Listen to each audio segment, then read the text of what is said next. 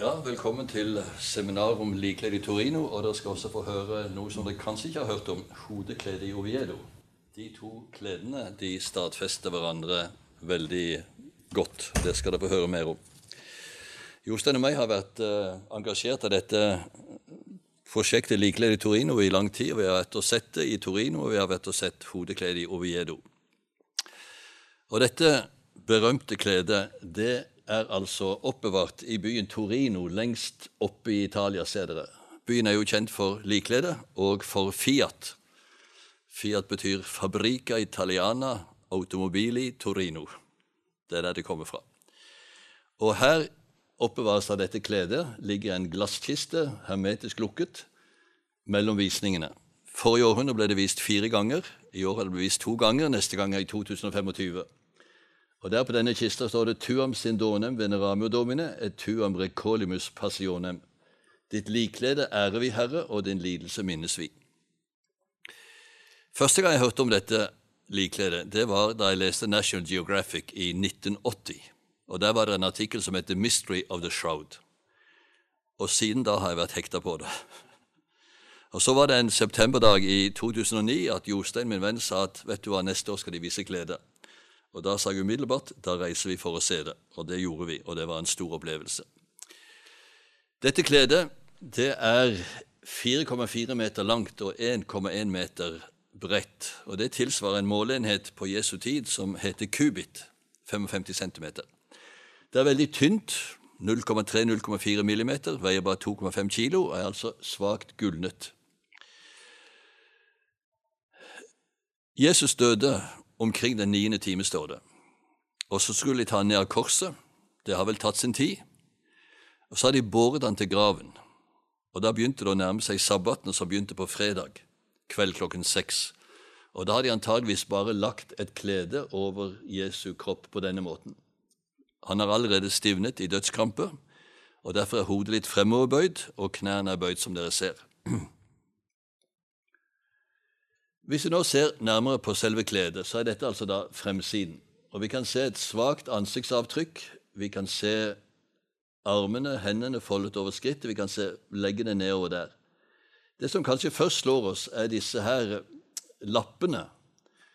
Og Det skyldes at i 1532 så var dette kledet i en by som het Chambéry i Frankrike. Og Da lå det oppbevart i en sølvkiste.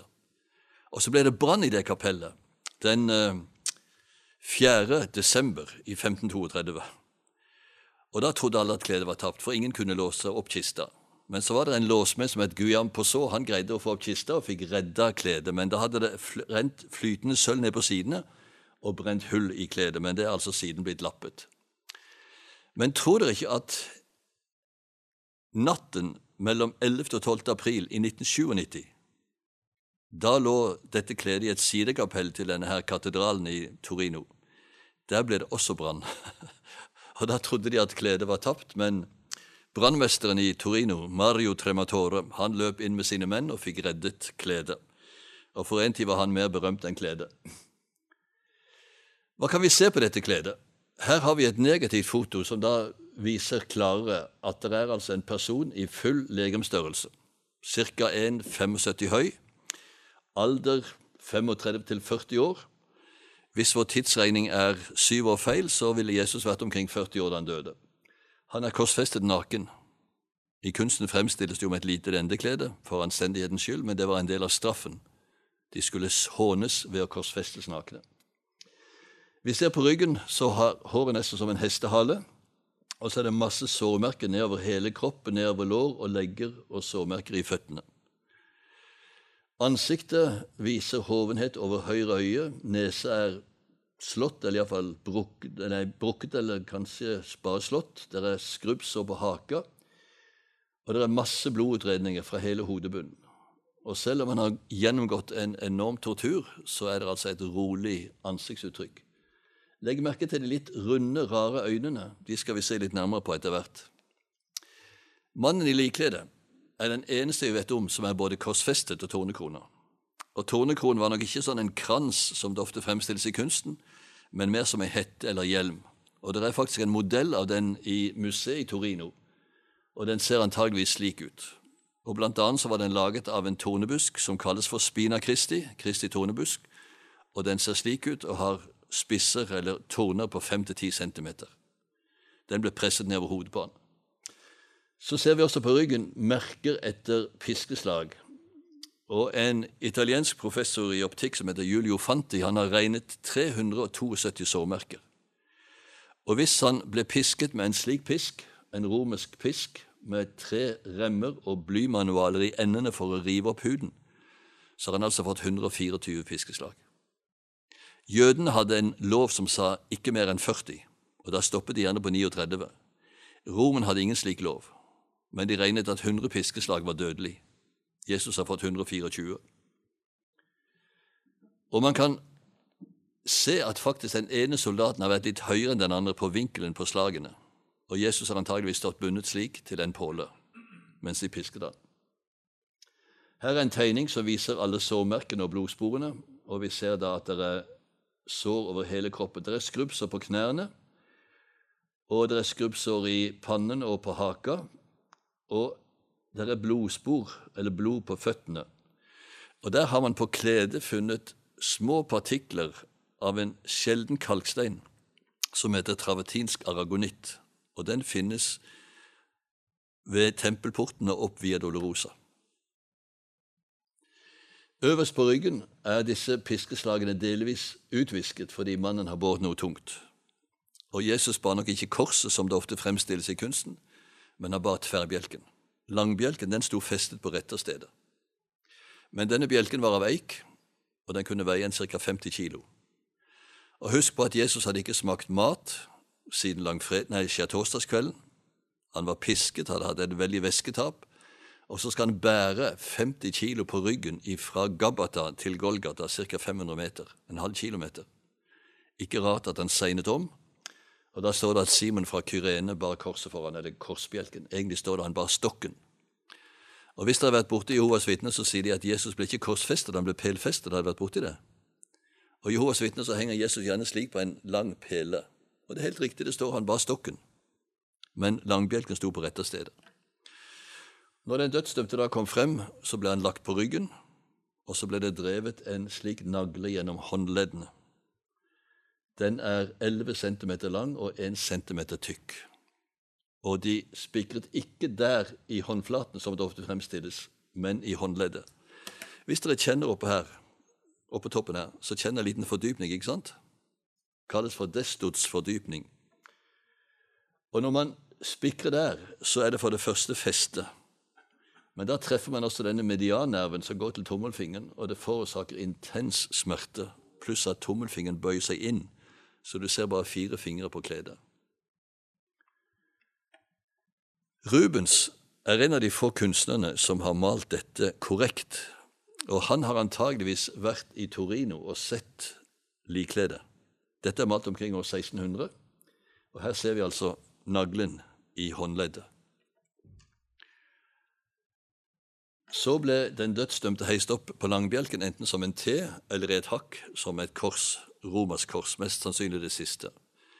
Og så bøyde de da føttene bakover og drev en 20 cm bolt gjennom begge føttene inn i langbjelken. Og det var jo ikke for å hjelpe den dødsdømte, men for å pine han lengst mulig. For hvis han bare hang slik, så vil han bli ganske fort kvalt. Du greier ikke puste hvis du henger bare etter armene. Men så måtte de sparke fra for å trekke pusten, og så ble smerten så intenst i føttene at de seg ned igjen. Og slik beveget det seg opp og ned til livet ebbet ut. Og Vi kan se på den vinkelen på, arm, på blodsporen på armene, ca. ti graders vinkel, at Jesus har beveget seg opp og ned, opp og ned.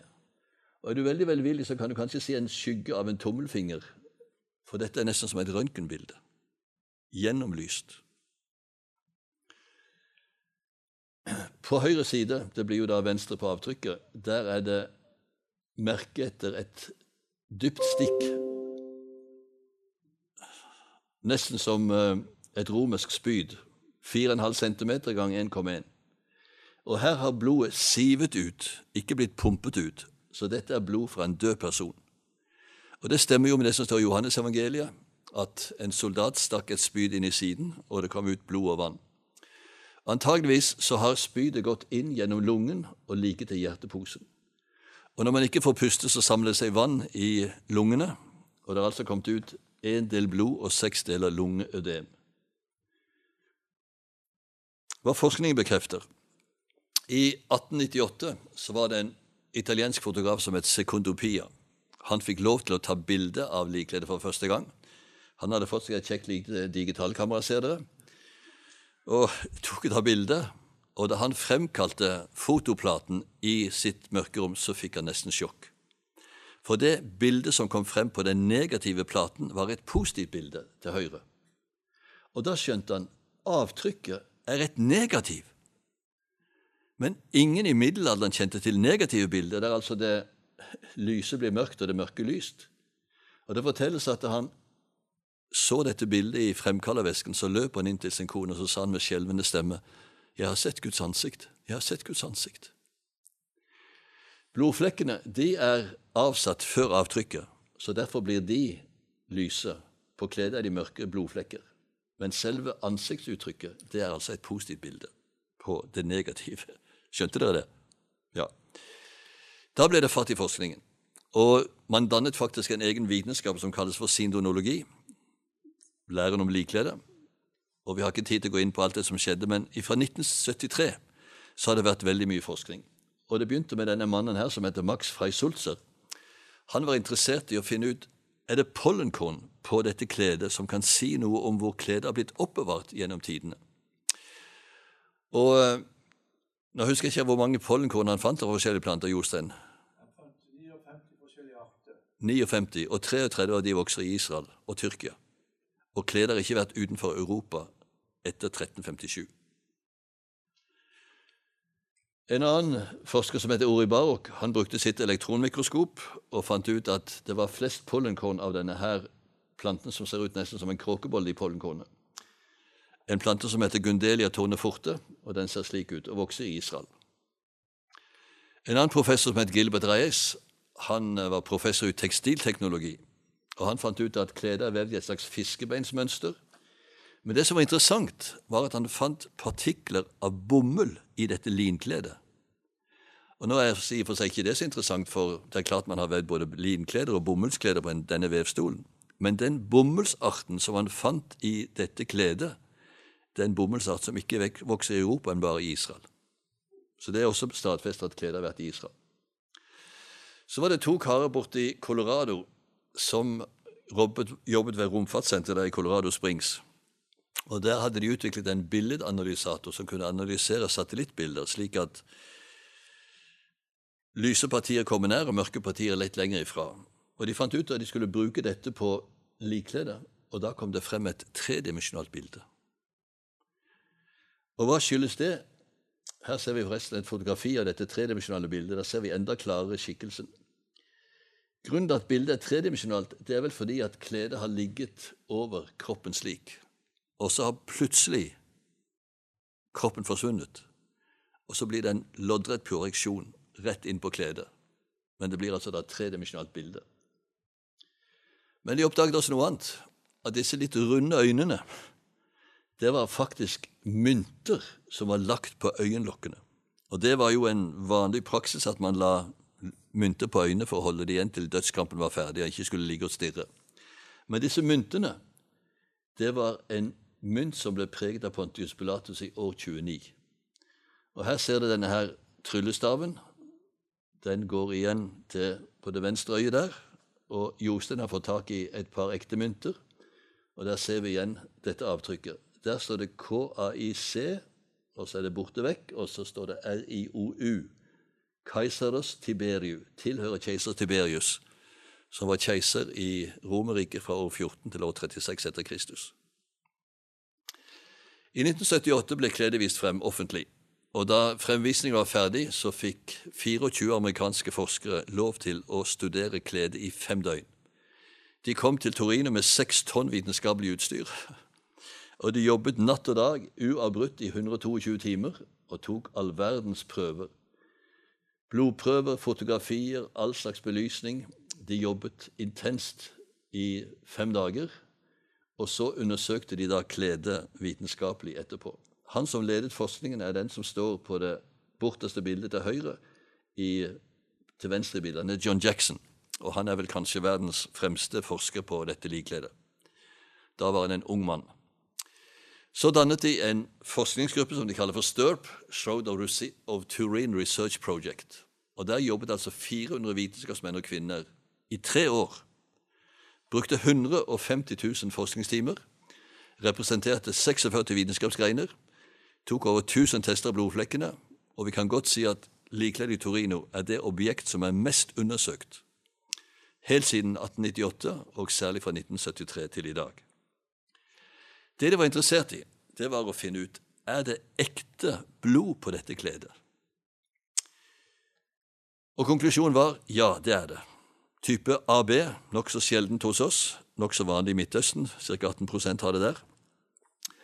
Ikke nok med det, men arterieblod og veneblod, altså blod som går fra hjertet og til hjertet, var riktig plassert. Hvordan kunne noen i middelalderen vite om det?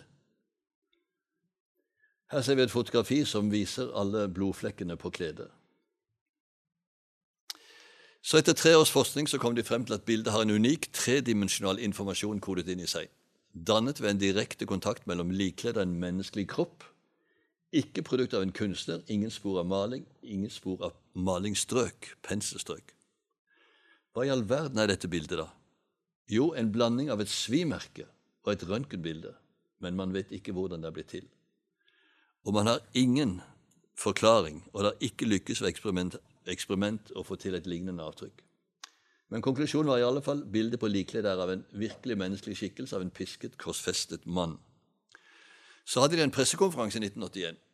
Der kom det 300 journalister fra tolv land, og en av journalistene spurte hadde dere funnet noe som kunne utelukke at likkledet er autentisk. Og alle 40 som var til stede, sa nei. Og ingenting av det vi fant ut i løpet av tre år, inneholdt en eneste ting som motsa det evangeliene forteller. Les den setningen en gang til. Ingenting av det vi fant ut i løpet av tre år, inneholdt en eneste ting som motsatt det evangeliene forteller. Hvis dere møter noen som sier at ja, men evangeliet er ikke det sagn og legender og myter og eventyr Vel, tre års forskning av 400 vitenskapsmenn og -kvinner ateister, kristne, jøder, til og med mormoner, stadfester ingenting motsier det evangeliet forteller om Jesu lidelse og død.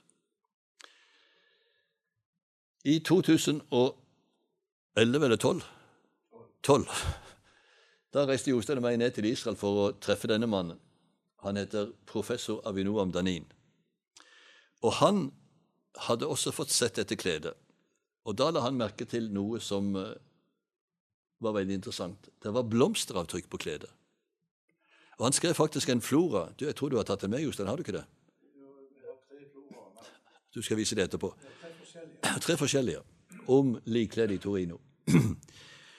Og han hadde altså funnet at det er forskjellige avtrykk av levende, ferske blomster. Blant annet denne her som heter Sygofyllum dumose. Der kan man se blomst, stilk, stilk, blad, blomst, stilk, stilk, blad. Den vokser i Sinai-ørkenen og opp mot Jerusalem, på begge sider av Dødehavet. En annen plante, denne gule krysantemen, her kan dere se avtrykk i midten der hvis dere er veldig velvillige. Ser dere liksom den runde blomsten? Den ser slik ut i virkeligheten. Men det mest interessante han fortalte, blant alle de blomstene han nevnte, det var altså denne her, en kapusplante som heter Caparis egyptia.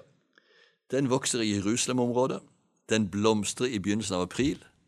Den åpner seg på ettermiddagen klokken fire og lukker seg når det blir mørkt. Og Han sa professoren at denne planten er plukket på ettermiddagen, den var lett visnet, lagt på kroppen en gang mellom klokken fire og klokken seks tidlig i april. Ja, det er ganske sterkt. Vel, Jostein og meg hadde også lyst til å treffe denne mannen. Det er John Jackson i Colorado Springs. Og vi fikk et par timer sammen med han. Og Han fortalte utrolig mange spennende ting. Det var han som ledet forskningen i 1978. Og Blant annet så sa han at på dette kledet er det klippet av og sydd på en 50 cm, 5 cm brei stripe. Og hvorfor er den klippet av, hvorfor er den sydd på? Jo, ved hjelp av denne bildeanalysatoren så kunne man se at kledet antageligvis har blitt brettet opp på begge sider slik. Så man brukte denne remsen, knyttet den ved føttene, surret den rundt og knyttet den opp over halsen. Og slik gikk de antageligvis ifra Jesus på langfredag, så skulle komme igjen og stelle liket over sabbaten. Men så kommer dette spørsmålet er likledd ekte. I 1988 fikk British Museum lov til å klippe av et bitte lite stykke og teste det med C14-metoden. Og Disse lappene er ikke store, ser det på frimerket. De ble sendt til Arizona, Zürich og Oxford. Arizona fikk et ekstra stykke. Og Så skulle de uavhengig av hverandre analysere hvor gammelt er dette kledet. Og C14-metoden går jo ut på at alle levende organismer, både planter og dyr, tar opp i seg kullisotopen C14. Og når organismen dør, så begynner den isotopen å spaltes. Og det tar 5730 år. Så de kan altså måle hvor mye som er spaltet, og finne det alderen. Og Konklusjonen kom den 13. oktober i 1988. Og Jeg husker enda det var som et slag i mellomgulvet. Turin Shroud shown to be a fake. Og Her står Edward Hall til venstre, en kjent britisk artist, Michael Tite, som uh, ledet forskningen, og Robert Hedges til høyre, som var da leder for Britisk museum. Og De hadde en pressekonferanse, og han, Edward Hall til venstre der, han kunne da fortelle at kledet er laget en gang mellom 1260 og 1390. Og de var tydeligvis så fornøyd med resultatet at de skrev utropstegn etter. Og Edvard Hall sa hvis noen fortsatt tror at dette kledet er ekte, så kan man bare sammenligne det med dem som tror at jorden fortsatt er flat. Det var ganske kjedelig. Men denne mannen, en som heter Raymond Rogers, han kunne ikke slå seg til ro med dette. Og han var med og forsket i 1978 også. Da hadde han ingen tro på likkledet. Han sa 'gi meg ti minutter, så skal jeg gjennomhulle hele kledet'. Men han ble hekta til sin død. Og han fant ut at den lappen som de hadde klippet av, var klippet av en lapp på kledet. Hun som eide kledet i 1534, Margrethe Savoy, hadde bedt om å få en liten lapp av kledet som relikvie i sitt private kapell. Men man kunne ikke gi fra seg dette kledet med et avklippet hjørne, så de lappet det med såkalt usynlig vevning og farget denne lappen med et fargestoff som var nokså gulaktig, lik linkledet. Men da han belyste dette med ultrafiolett lys, så ble denne lappen svart. Så det de altså hadde testet, det var en lapp fra 1534. Og da var ikke resultatet så galt. Hadde de spurt Støp, så hadde de fått vite at de hadde også tatt en C14-test. Og de skrapte av noen fibre på to forskjellige steder og kom til på det ene stedet kledd for 1000 pluss minus 100 år, på det andre stedet pluss 100, 200 pluss minus 100 år. Og de fant ut det er så mye støv og skitt og sot og fett etter håndtrykk. Denne metoden er ubrukelig. Men alle ateister har brukt den for alt den er verdt, denne C14-metoden, men den holder altså ikke vann. Og dessuten så gjorde man et funn i et bibliotek i Ungarn, der man falt dette manuskriptet, det såkalte Prai-manuskriptet. Det er fra 1195 altså 65 år før den tidligste dateringen av kledet ifølge C14. Der ligger Jesus naken. Han er hoven over høyre øye, ser dere. Du ser bare fire fingre. Og det er antageligvis Josef og Nikodemus som salver Jesu legeme der, og så står Johannes og holder i likledet. Og så kommer kvinnen til graven på påskemorgen, og engelen sier han er ikke her, han er stått opp. Og Legg merke til de der tre hullene som er tegnet inn. Vi forstørrer de opp, da ser de slik ut. Han har til og med fått med dette fiskebeinsmønsteret, denne kunstneren. Og på likledet ser det jo slik ut. Så det er helt 100% sikkert at denne kunstneren som laget dette i 1195, har sett likkledet som da var i Konstantinopel. Et annet bevis at denne C14-testen var feil, er dette manuskriptet, skrevet av en korsfar som heter Robert de Clary. Og han forteller at i en kirke tredje linje, som ble kalt Med dame Sankta Maria de Blacerne. Der ble det hver fredag løftet opp et klede med avtrykk av Jesu legeme. Og Det har antageligvis ligget i en kiste sånn som dette, og så har det blitt løftet opp hver fredag. Vist frem i denne Marie de Blakerne-kirken. Her ser vi igjen fire fingre. Det er tydeligvis at de har sett likkledet.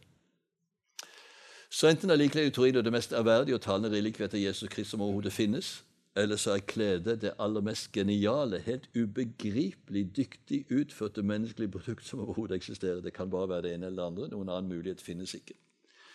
Da de hadde denne pressekonferansen i 1981, så sa en av vitenskapsmennene hvis dette kledet er en forfalskning, så er det faktisk større mirakel enn om det er ekte.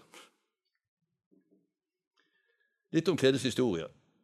Ja, biskop, biskop Eusebios, som var biskop i Cesarea ved havet på 300-tallet, han skrev en kirkehistorie der han forteller at han har vært i Tyrkia. Og det er funnet et manuskript i byen Urfa, da het den Edessa, om en kong Abgar som hadde blitt syk, men som hadde hørt at nede i Jerusalem der var det en undergjør som het Jesus, som kunne helbrede syke. Og Han sender to menn for å spørre om Jesus kan komme og helbrede ham.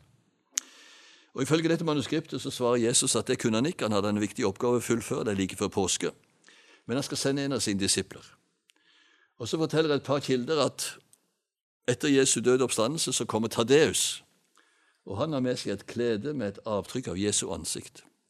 Det var antageligvis brettet i fire, slik at bare ansiktet viste. Og kongen blir så grepet at han kommer til tro, og Tadeus legger hendene på kongen og ber for han, og han blir helbredet. Og det er faktisk en mynt som fremstiller kong Abgar med kors i sin hjelm. Og det er ganske spesielt. Nå vil mange si dette er en søt legende, og det kan så være, men på denne her 100 000-dramseddelen fra 2009 så fremstilles kong Abgar. Så ser man hodekledet med Jesu ansikt, og her nede er det Tadeus som kommer til kong Abgar. Så legenden lever videre. Så er kledet i Edessa til omkring år 400. Da blir byen angrepet, og kledet blir gjemt og glemt. Og Så går det nesten 150 år, så blir byen angrepet på nytt og er i den største fare. Da er det en biskop som heter Evlalios, som har en drøm. En mann, eller kanskje en engel, kommer og sier hvis du tar dette kledet med et avtrykk av mesteren som ikke er gjort med menneskehender, og viser det mot fienden, så skal byen bli reddet. Og Legenden eller historien forteller at biskopen sier i drømmen jeg har hørt det skal være et slikt klede, men ingen vet hvor det er. Så sier mannen i drømmen gå og let over byporten. Og Neste dag går de og leter over byporten, og der finner de dette kledet.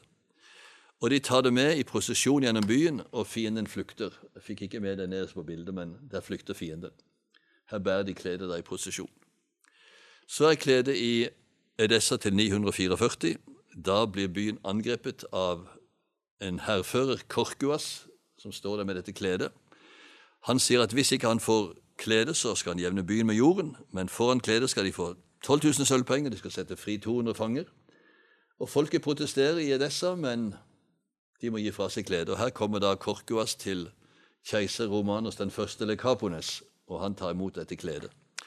Så er det da i Konstantinopel til år 1204. Da kommer det fjerde korstoget ledet av franskmenn til byen. De herjer og de plyndrer, og de tar med seg liklede også antageligvis. For neste gang det dukker opp, er i byen Liré i Frankrike. Og nå kan vi ikke gå så mye inn på historien der, men det er altså da i korsfarenes varetekt, og en som heter Joffre de Chany, dør, og eierskapet flyttes over til hans datter Margaret. Og Hun steller seg ikke særlig godt, så hun gir da dette kledet videre til adelsslekten Savoy, som senere ble kongeslekt. Og det er da i eie til denne slekten til 1983. Da dør kong Umberto den andre, som ble altså da avsatt i 46. Da ble det jo republikk. Og fra 1983 så har da kledet vært i Den katolske kirkes eie. Men ikke før. Tidligere ble det vist frem på denne måten. I solskinn. Det er klart at da svekkes avtrykket. Så når det nå blir vist frem, så er det under dunkel belysning inne i selve kirken. Et par interessante spørsmål til slutt. Kan vi vite hvordan Jesus så ut? Da vi hadde vært i Torino, så reiste vi ned til Roma og gikk bl.a. i Calictus-katakombene. Det er ti kilometer med katakomber under jorden, i fire etasjer. Og Der var det en del freskomalerier. Og Der fremstilles Jesus som en relativt ung mann uten skjegg. Her har vi Jesus som den gode hyrde, her har vi denne kvinnen med blødninger som rører ved Jesu kappe.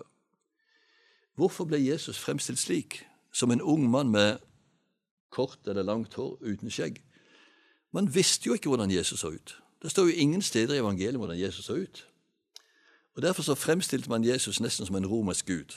Dette er Apollos. I byen Ravenna i Italia der er det noe interessant. Der er det flere mosaikker som fremstiller Jesus som en relativt ung mann. Kort eller langt hår, men skjeggløs. Dette er nok fra Salme 91, der det står om han skal trø på løver og slanger. Og Her står han, der holder en bok der det står 'Jeg er veien, sannheten og livet'.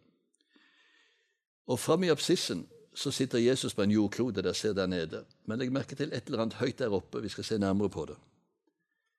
Her, Dette bildet er fra 540. Der sitter Jesus på jordkloden med kort hår og skjeggløs, omgitt av antageligvis erkeengelen Mikael og Gabriel. Så er martyren Vitalis lengst til venstre, og det er han kirken er kalt opp etter, og så er det biskopen der som fikk bygge denne kirken.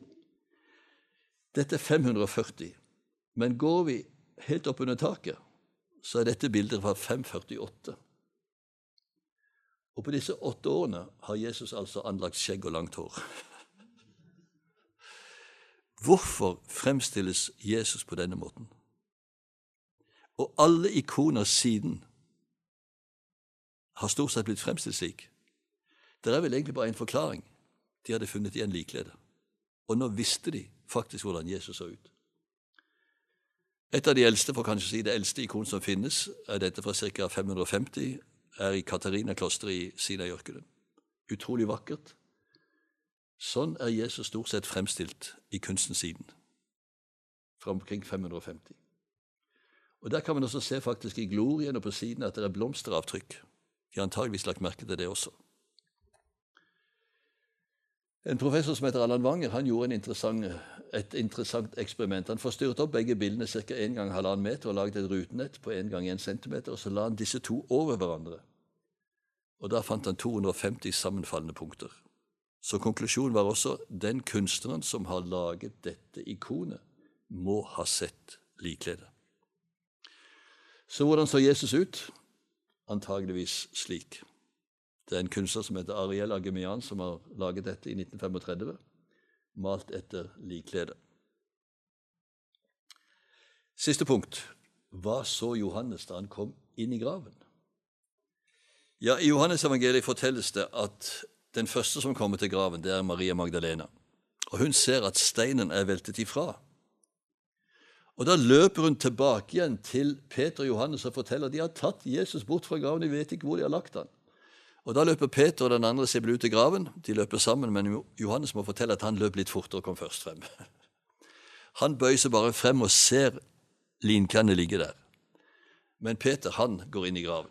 Og Da går også Johannes inn, og da ser han linklærne som lå der. Og verbet betyr det lå akkurat slik som de ble lagt. Og tørkleet som Jesus hadde hatt over hodet. Det skal Jostein snart fortelle om. De lå ikke sammen med linklærne, men sammenrullet på et sted for seg selv. Da gikk den andre disippelen også inn, han som var kommet først til graven. Han så og trodde. Hva så han? Antageligvis dette. Da skjønte han at Jesus hadde stått opp. Klærne lå akkurat slik han ble lagt, men kroppen var borte. Det er noen som tror at steinen ble veltet bort fra graven for at Jesus skulle komme ut. Nei, han gikk tvers gjennom gravklærne og tvers gjennom gravens stengsel. Han var ikke lenger bundet av tid og rom. På graven i Gordons Golgata står det 'He is not here, for he is risen'. Nå er nok ikke det det rette stedet. Det rette stedet er nok i gravkirken her i Jerusalem. Og har du tålmodighet til å vente på å komme inn i graven, så ser du det samme der. Kristus aneste. Kristus er oppstått. Så konklusjonen er følgende. Likkledd i Torino viser at Jesus sto opp av graven. En mengde blodutredelser har satt seg fast på likkledet og har siden størknet og klistret seg fast til den døde kroppen. Alle disse blodflekkene er intakte. Hvis kledet var revet av, ville det ha fulgt med hår, og sårene ville blitt revet opp. Mannen i likkledet er blitt levende og har svevd rett ut av det. Konklusjon Jesus lever. Det kan jo ikke for så vidt vitenskapen si noe mer enn at det er sterke indisier på det. Men for oss som tror, Og overfor de som ikke tror også, så syns jeg at dette er et utrolig sterkt vitnesbyrd om Jesu oppstandelse. Og hvis Jesus har stått opp fra de døde, så er det sant, det han forkynte om seg selv, at han var ett med Faderen, ett med Gud. For hvilke andre alternativer har vi? En løgner? Nei. En bedrager? Nei. Sinnssyk? Nei. Da er det bare en mulighet igjen. Han var den han ga seg ut for å være. Sann Gud. Og hvis Jesus lever, så er ikke døden det siste vi mennesker skal møte, men Jesus er den siste vi skal møte. Og Paulus forteller i Filippene 2 at for han skal hvert kne bøyes, og hver tunge bekjenne til Gud Faders ære, Jesus Kristus er Herre, den dag Jesus kommer igjen. Men det som er alvor med dette, er at på den dagen vil det bli et dobbelt knefall. Noen vil bøye kne i lovprisning og tilbedelse. Han de har trodd på, elsket, tilbedt og tjent. Han får de nå se ansikt til ansikt. Og så vil det være de som må bøye kne og erkjenne og bekjenne det var likevel sant, det de fornektet. Og hvordan vårt knefall blir på den dagen, det avgjør vi her. Den som bøyer kne for Jesus og inviterer han inn i sitt liv som sin frelser og herre, for å ta imot han med glede når han kommer. For de andre er det for sent. Det er alvoret også i dette budskapet. Det var det jeg hadde å fortelle. Nå er altså Jostein her. Han er Norges fremste spesialist på likklede. Og har dere spørsmål, så vil han primært besvare de. Vær så god. Hvis du står her, Jostein, så kommer du inn på TV-en. Stå der på den siden. Så skygger vi ikke for hverandre. Vi har like fint måneskinn begge to. ja. Her sånn ja. ja vel, var det noe du lurte på? Oddvar har kommet med et godt foredrag, som jeg er veldig enig i, alt sammen. Så er det noen sånn typiske oppklaringsspørsmål, så må dere komme med de. Ellers har jeg tenkt å snakke litt om hodekledet, og så vise noen ting. Jeg tror du har vært god, for du har forklart det så godt at uh, Ellers er de målløse. ja, det var det. Ja. ja. Det er veldig vanskelig å beregne høyden pga. at han, han ligger så krumt. Men han uh, fant det, professor i optikk i Italia, han har beregna seg fram til at uh, han var 1,75 pluss minus 2 cm. Så det, det, det, har vært veldig vanskelig, men det er det han er kommet til. Og det er vel kanskje det nærmeste. Men det er høyt til å være en jøde på den tiden. Og Derfor har noen vært litt i tvil om for en jøde på den tiden var ca. 1,60-1,65. Men det står jo bl.a. om kong Saul. Han var et hode høyere enn de andre. Så Jesus har nok vært ganske stor også som menneske, og kanskje hatt en viss autoritet av den grunn også. Pluss at uh, de fant uh, noen døde kropper fra jødiske krigen med romerne. Og Det var der de fant eh, han som var biskopsfesta, som hadde en sånn greie gjennom ankelen. Og hvis en målte gjennomsnittshøyden på de, så var det 1,79. Og det var elleve personer. Elleve mannfolk. Så det kan godt være, har vært så høyt som det. Ja, tida går. Eh, det er jo bøker som dere kan lese, som kan oppklare ting. Jeg lurer på om jeg skal gå videre med det som jeg hadde tenkt å vise. Gjør det. Da de fikk tilgang på Jesu døde kropp der han hang på korset du vet, Det gikk litt tid. Eh, for det første en som strever veldig over lang tid, og så dø. Han blir stiv som en stokk veldig fort. Det er god medisin. Det, det vet medisinere, og rettsmedisinere ikke minst. Så da de fikk tilgang ikke sant? Eh, Josef Arimathea han måtte gå til Pilatus og spørre om å få tilgang. Og det er mulig at han ikke kom inn med en gang. Og så ble Pilatus overraska. Er han død alt? Så sendte han offiseren, altså offiseren for korsfesterlauget, ned for å kontrollere. Og så kom han opp igjen. Og Da fikk han, fikk han tillatelse, og så måtte han gå ned igjen. Um, så det gikk litt tid. Og da begynte de å få hastverk. Og kanskje det var da han kjøpte et linkle også, og det måtte kuttes til, og bl.a. med den remsa. Det første de måtte gjøre da etter jødisk lov, det var å lukke øynene på han. Men det klarte de ikke, for han var helt stiv. Så senere plasserte de mynt i øynene. Og så måtte de dekke ansiktet. Og det gjorde de med et sudarion. Som alle mannfolk hadde på, som hørte til drakta. Sånn. Som de brukte til å tørke sveiten, eh, beskytte nesa når det blåste sand, og for alt jeg vet, lommetørkle. Men det var av simpelt lin. Alle mannfolk hadde et sånt, et sudarion.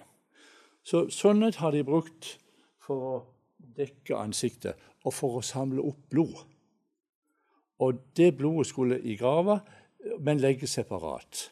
Og her har dere en det er kalt for en replika, altså en veldig god kopi. Men eh, eh, definisjonen på en replika er at det, det er lavt av kunstneren sjøl. Det er nok ikke i dette tilfellet. Men Oddvar, om du vil holde her i den enden Så her er altså en replika av Sudari Oviedo med alle blodflekkene og alt sammen. Og det kan en se tre ganger i året i Oviedo i Nord-Spania. 14. september, 21. september og langfredag. Så Oddvar og meg vi har sett det to ganger. 21. september og langfredag. Vi var der nå i påska med rundt 30 nordmenn. Og det var veldig rørende å, å se det da òg. Det var jo en helt annen setting når, når, det er langfredag, for da er det veldig høytidelig. Det er den, den alvorligste dagen for, i den katolske kirke. Så skal dere høre Dette er blitt forska på siden 1965 og fram til i dag. Og fra 1989 og fram til 2000 så var det 44 forskere fra 14 forskjellige forskergreiner, bl.a. seks rettsmedisinere. De holdt altså på i tolv år å forske på dette tøystykket her. Eh, hadde bl.a. 3000 eh, eksperimenter med blod. Og så la de fram sin rapport, og jeg har skrevet bok om det nå nylig. Bygger på den rapporten. Og enstemmig konklusjon var den som har hatt dette eh, hodekledet, tørkle over hodet, er den samme mannen som har ligget i likkledet i Torino. Og denne har en veldig god historie tilbake til Israel og Jerusalem til eller tilbake til 614. Og så var det jo dette med eh, ansiktet. Altså åssen vi kan vite dette, åssen ansiktet så ut. Jeg har tatt eh, temmelig mange turer til middelhavsområdet og fotografert ansiktet på Jesus i all verdens situasjoner. Og nå har jeg så mye materiale at før jul så skal jeg lage ei bok om ansiktet før Likevel blir gjenoppdaga 544 og etterpå. For i løpet av ganske få år så blir han plutselig 20 år eldre. Og det sprer seg veldig fort over hele middelhavsområdet. Så altså det kommer ei bok med mellom 50 og 100 bilder av Jesus når han er mellom 12 og 18 år, der han uh, vekker opp Lasarus, uh, gjør vann til vin, brødunderet. Det er litt pussig å se det er en tol, omtrent tolvåring som står og gjør vann til vin i katakombene. Det er litt eh, festlig, altså. Og så plutselig så gjenoppdager de eh, likene, og så så dere jo det bildet. Over 250 likhetspunkter. Et sånn et ansikt i en norsk rettssal mellom 45 og 60 eh, likhetspunkter er nok for at det skal godtas i en norsk rettssal. Her er det altså over 250. Så, så det er også et indisium på at uh, fantes på den tida. Men så var det selve likværet. Da lurer jeg på om du vil prøve igjen. Og da. Så skal dere se åssen Jeg tror rett og slett vi må stå foran her. Skal vi se. Da må du da må ta et sånt. Nå er det bitte grann annen farge på, men her har dere akkurat så stort det er. 44 ganger. 1,10. Og her er jo ansiktet, ikke sant? Og der er baksida med sårene fra tornekrona, fiskingene igjennom. Gå litt lenger bakover.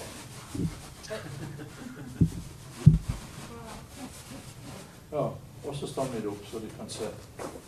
Jeg går fra det eneste i landet som har den, den kopien. Men der, altså, når en ser det i Torino, så er det mye lysere. Men ellers så ser en omtrent som det. Altså Ellers bortsett fra fargen på selve bunnen. Men jeg føler ikke noe spesielt når jeg, når jeg ser og holder denne kopien. Men jeg kan tro det er annerledes når den står rett foran og så ser originalen. Jeg tror det Når Oddvar og meg var der i 2010, sånn som vi opplevde det, var helt overraskende. Jeg er ikke noe følelsesmenneske. Men jeg hadde stått der i tre minutter, så begynte knærne å skjelve. Og det var altså så sterkt. Det var altså så utrolig sterkt. Jeg klarte nesten ikke å stå der. Og heldigvis så kom det noen og sa nå må dere gå, for nå er det 100 stykker til som skal inn. Det var jo to millioner som kom. Og i 2015 så var det tre millioner som var i Torino pga. litt klær. Det er store kort hele tida. Ja. Og så en annen ting. Da tror jeg vi må rulle igjen. En annen ting. Nå driver jeg og skriver en bok om C14-dateringer. Den mest kritiserte C14-dateringen som noensinne er, er gjort. Eh, så har jeg samla siden 1980 bøker om likklær. Og så liksom eh, lagd en nøyaktig beskrivelse at skriver de om C14-dateringer etter 1988, og hvor og mye osv. Og, så og så har jeg stabla de opp, 13 forskjellige språk. Og så er det ca. 200 bøker som jeg har klart å få tak i, som ikke tror på C14-dateringer. Og så har jeg klart å få tak i syv som syns den er ok. Eh, den ene er eh, Gove, som oppfant eh, AMS-metoden. Han måtte nødvendigvis synes den C14-noteringen var ok. Og så var det Macron, som påsto at blodflekkene på likelig er maling. Men det er pussig at de kan finne ut blodtypen på den malinga, og at det er bilirubin i den malinga. Og så er det tre-fire andre som har litt god fantasi, som er såkalte vitenskapsjournalister. Den ene eh, trodde at Jesus eh, overlevde korsfestelsen og gifta seg med Maria Magdalena og flyttet til Frankrike. En annen trodde at Jesus overlevde eh, korsfestelsen og ble buddhistmunk i Kashmir. Og de har skrevet om eh, avskyelig snømann og sjøormen i Loch Ness osv. Så, videre. så det er levebrød. Så altså, de, de, ligger litt tynt an. Det kommer ikke ut noen bøker nå om at likelig er falskt. Men jeg klarer nesten ikke å holde følge med alle de bøkene som kommer om at det likelig er ekte. Bare siden jeg lagde den stabelen, så har jeg fått syv bøger, nye bøker inn. Og Det er nesten kul å holde greie på all den forskninga jeg prøver å holde greie på forskninga, men jeg klarer nesten ikke å, å absorbere det. Nå, nå, kjenner jeg jo veldig mange av forskerne, jeg har besøkt dem noen ganger sammen med Oddvar. Jeg var på ei svær utstilling med verdens fremste på likklede i England nå i år. Det var veldig stas, altså, å bo sammen med dem og spørre dem om alt mulig. Og det var Veldig spennende. Og så Når det gjaldt hodekledet, så hørte jeg på et foredrag av den fremste i verden på hodekledet. Han holdt på i over en time, og det var jo litt gøy. For han sa ingenting som ikke stemte med det som jeg hadde skrevet. Så Det var bare så vidt. Jeg gjorde det ikke. Men det var så vidt jeg, at ikke jeg gikk opp til han sa uh, Very good lecture. I understand you have just read my book. Men det, det, gjorde jeg altså ikke, for det er grenser for hva en skal gjøre. Men eh, her har jeg altså myntene. Husk på at de kunne ikke bruke mynter med, med bilde på. Altså bilde av keiseren, f.eks. De hadde bildeforbud. De, de første jødekristne fulgte jødenes billedforbud. Andre Mosebok 20. Det var derfor det var naturlig for romerne å framstille Jesus kunstnerisk med en gang. katakombene. For de var vant til figurer, byster, statuer i hjemmene, i gatene, i templene. Det begynner med en gang. Men uh, det tar sin tid uh, i det østlige Middelhav av den grunn. Og når ikke de kunne lukke øyene, så måtte de dekke de med mynter, for uh, de måtte lukke øynene pga. at øyene skulle være lukka i oppstandelsesøyeblikket. For jødene trodde veldig sterkt på oppstandelsen, de òg. Altså, akkurat når de møtte sin skaper, så, så skulle, skulle, de åpne øynene. De skulle ikke være åpne når de så skaperen for første gang. De, så nå sender jeg rundt det som han hadde i høyre øye. Det var sånn små billige mynter. jeg har klart å få tak i. Der ser den hyrdestaven, og så står det Tiberio Kaiseros. Der har dere kornakse i venstre. Og så på baksida på begge så står det LIZ. LIZ. LIZ. Eh, L laboretus, altså tilvirket. I er 10. LIZ. L laboretus. I er 10. Z er 7. Altså tilvirket i år 17 i keiser Tiberius keisertid. 14 der han ble keiser, pluss 17. Den som jeg har, er prega i 31.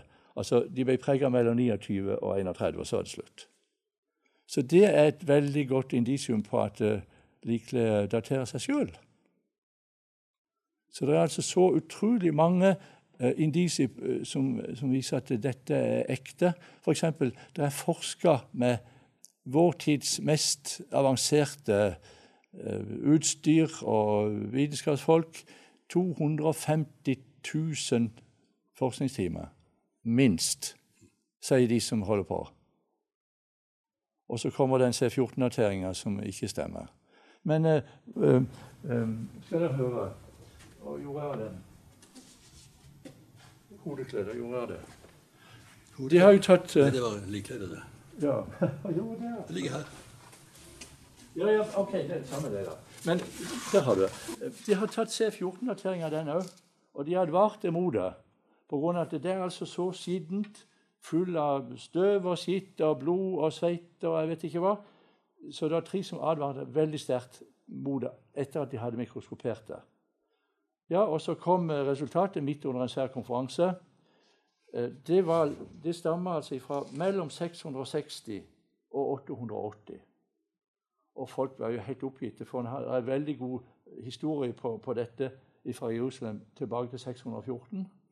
Pluss så kommer det kontrollprøvene. Det tok de ifra eh, altså et lintøy som var fra 1100-tallet før Kristus. Og Det var det alminnelig enighet om. 1100-tallet før Kristus. Det kontrolleksempelet eh, ble datert til mellom 1660 og 1960 etter Kristus. Og da visste jo ikke folk om de skulle le eller grine, og så forkasta de alt sammen. Så det, det, er et typisk eksempel på at dette, det er ikke så enkelt å ta en god C14-notering på lintøy som sådan. Pluss at det, du må jo ta det, prøven på det rette stedet. Styrp, eh, hvis de hadde spurt Sturp, så hadde de sagt at dere to prøver fra det absolutt verste stedet som dere kunne ta på hele kledet. For det har jo var jo oppe i den ene tuppen. Der har jo den ene biskopen etter den andre gjennom århundrene sittet og holdt det akkurat der. Så det er ikke så greit. Eh, det er nok vanskelig å få tatt en ny C14-notering. For um, Den katolske kirke ble veldig over, overgitt, altså over metoden de hadde brukt. Altså, jeg vil vise i den boka mi at framgangsmåten til å begynne med ble steingal, utførelsen ble steingal, og etterspillet ble steingalt. Så det, det, er altså ganske tøffe greier. Og han Gonella, som var eh, representant for biskopen i Torino som, Det er jo biskopen i Torino som disponerer dette for paven. Um, han, han, fortalte etterpå at uh, jeg sa de rett opp i trynet, disse folkene som holdt på med C14-noteringer, at de var noen skikkelig mafiosi. Og en italiener som kaller noen for mafiosi, det er vel det verste skjellsordet han kan finne på akkurat da. Um, men uh, det kommer fram i, i boka. Um, jeg tror vi må stoppe der. Ja. Okay. Eh, hvis dere vil lese noe mer om dette, så har Jostein skrevet ei veldig solid bok med en tredjepart til fotnoter. Og selv om det er mange kildeanvisninger, så er det ingen tørr bok. Men den eh, Special Price for You i dag, 250, den koster 338. Så laget jeg da sammen med Jostein et konsentrat av denne boka. Og det er stort sett det som jeg sa i dette foredraget. Den koster bare 50. Den er nå trykt i 13 000 eksemplarer. Og så kaller jeg dette for en sånn preevangeliseringsbok som gjør folk interessert i å lese Bibelen. Så fant jeg ut at skal de komme et skritt videre, så må de også ha litt mer veiledning. Og jeg skrev en liten bok som heter 'Veien hjem', som er en kort evangeliepresentasjon og hjelp til å ta imot Jesus. Så mange er blitt kristne og leser den boka. Det er veldig festlig. Så skrev Jostein i bok til påske om hodekledet, Jesu hodekledet, Sudario Viedo. Og den er også veldig grundig. Den koster 150, disse to koster 50, og den koster 250. Kjøper dere for over 200 kroner, så får dere enten den eller den på kjøp. Special price for you today. Da takker vi for oppmerksomheten, og så er det middag klokken halv tre. Så har dere fem minutter til å handle på hvis dere vil.